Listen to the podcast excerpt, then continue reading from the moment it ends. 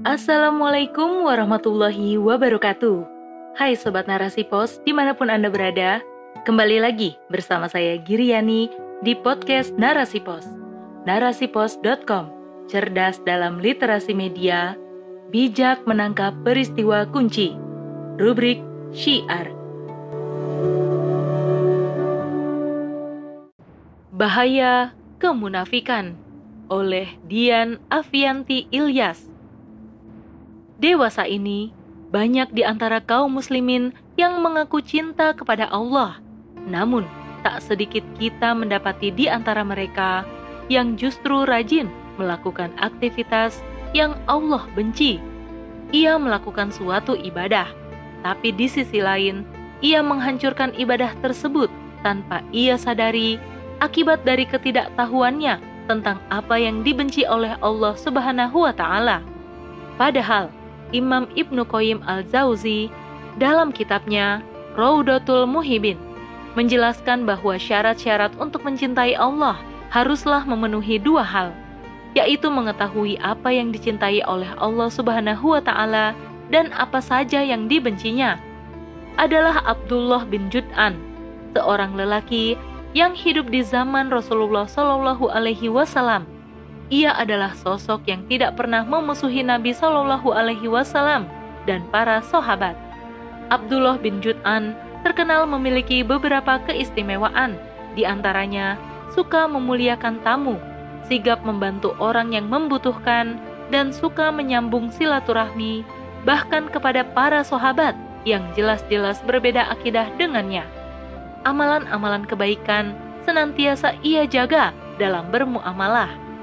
Saat ia wafat, Aisyah radhiyallahu anha bertanya kepada Rasulullah shallallahu alaihi wasallam tentang di mana tempat Abdullah bin Jud'ah, surga ataukah neraka. Rasulullah shallallahu alaihi wasallam menjawab, semua amalan itu tidak memberinya manfaat sedikit pun sebab ia tak pernah mengatakan, wahai Robku, Berilah ampunan atas kesalahan-kesalahanku pada hari kiamat kelak. Hadis riwayat Muslim nomor 214. Rasulullah Shallallahu alaihi wasallam menegaskan bahwa Abdullah bin Jud'ah yang mati dalam keadaan syirik berakhir di neraka disebabkan satu hal, yaitu hatinya bercabang. Ia memohon kepada Allah dan selain Allah, yaitu Lata dan Uzza jutaan kebaikan yang senantiasa dikerjakannya akhirnya terhapuskan akibat satu perbuatan yang dibenci oleh Allah Subhanahu wa taala, yaitu kesyirikan. Dari sini kita bisa memetik sebuah hikmah bahwasanya tak cukup bagi seseorang untuk mengetahui perihal yang Allah Subhanahu wa taala cintai, namun mengetahui apa saja yang dibenci oleh Allah Subhanahu wa taala adalah perkara mutlak yang harus ditunaikan oleh seorang muslim agar amalannya tidaklah berujung pada kesia-siaan. Di antara hal-hal yang sangat dibenci oleh Allah Subhanahu wa taala adalah kemunafikan. Kemunafikan bukanlah perkara yang ringan. Ibnu Abi Mulaika bahkan pernah mendatangi satu persatu sahabat yang jumlahnya 30 orang untuk menanyakan hal apa yang mereka takutkan jawaban yang sama diperolehnya, yaitu takut menjadi pribadi Muslim yang munafik. Hal demikian juga disadari betul oleh Umar bin Khattab. Jika ada seseorang yang wafat, Umar bin Khattab tidak akan ikut menyolati jenazah tersebut hingga Huzaifah ibnul Yaman ikut serta menyolatinya. Mengapa demikian? Hal ini tidak lain disebabkan karena Huzaifah ibnul Yaman adalah sang pemegang rahasia Nabi Shallallahu Alaihi Wasallam. Ia adalah sahabat yang mengetahui siapa saja orang-orang yang tergolong munafik di masa Rasulullah. Di zaman Nabi Shallallahu Alaihi Wasallam, salah satu tokoh yang tergolong munafik adalah Abdullah bin Ubay.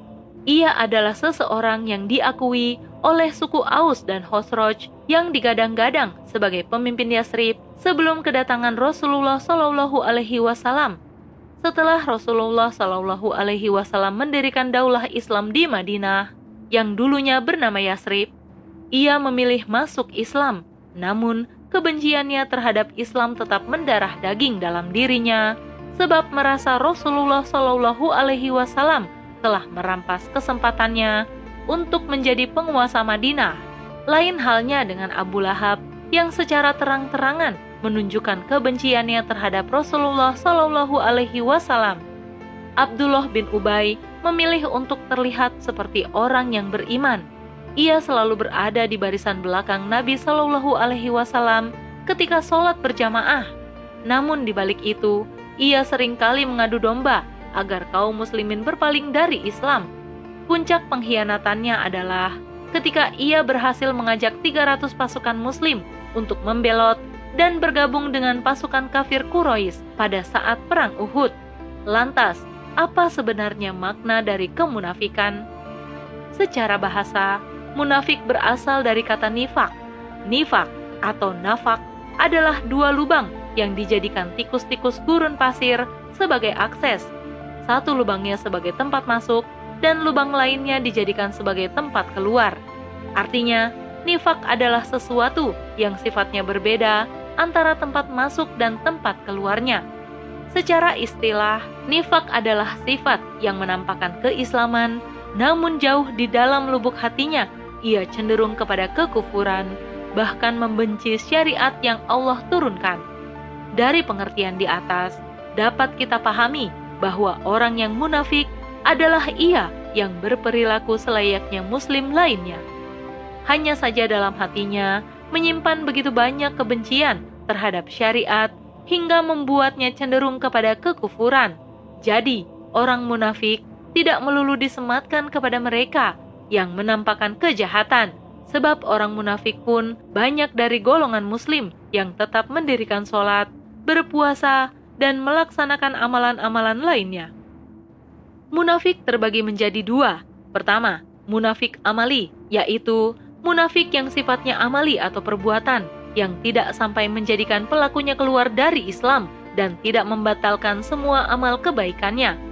Sifat-sifat munafik amali ada empat, yaitu ketika berbicara, ia berdusta, apabila berjanji, ia mengingkari, bila dipercaya, ia berkhianat, dan apabila ia bertengkar, maka ia melampaui batas dengan menghadirkan dosa di setiap pertengkarannya, misal dengan mengucapkan sumpah serapah, atau merencanakan aksi jahat untuk ditimpakan kepada orang yang sedang berselisih dengannya.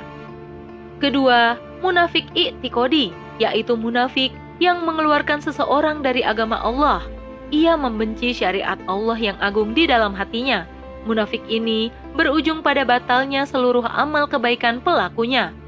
Salah satu keahlian pelaku munafik i'tikodi adalah lihai membesar-besarkan perkara yang sebenarnya kecil – Contohnya adalah ketika Aisyah radhiyallahu anha yang ketinggalan rombongan perjalanan Rasulullah Shallallahu alaihi wasallam lalu dituduh berzina dengan seorang sahabat yang menolong mengantarkan Aisyah pulang ke Madinah.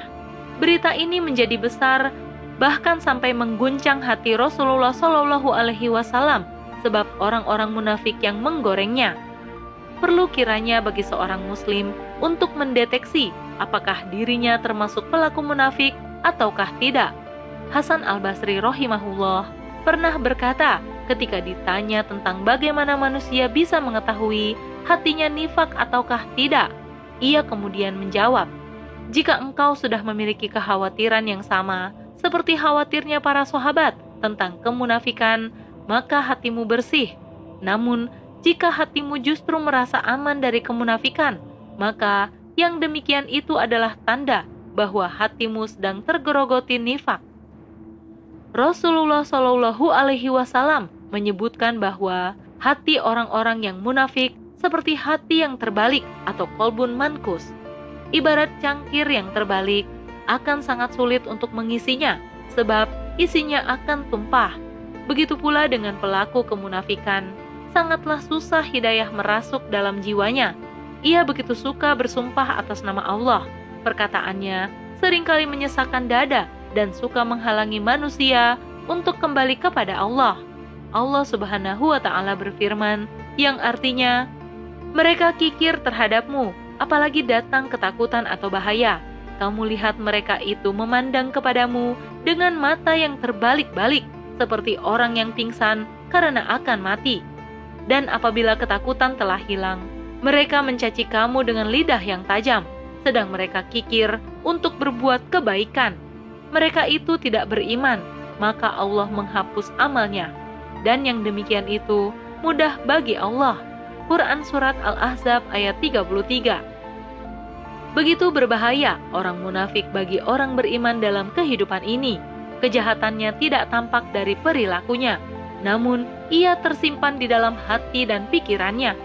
Pelaku munafik tersebut bisa jadi adalah korban atas ketidaktahuannya terkait syariat.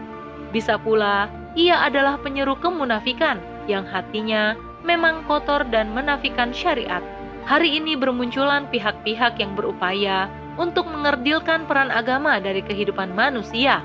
Misalnya, dengan upaya mengatur tata pelaksanaan peribadatan umat muslim, mulai dari sertifikasi penceramah hingga pengaturan volume suara azan. Mirisnya, pelakunya adalah muslim sendiri, bahkan pejabat sekelas menteri.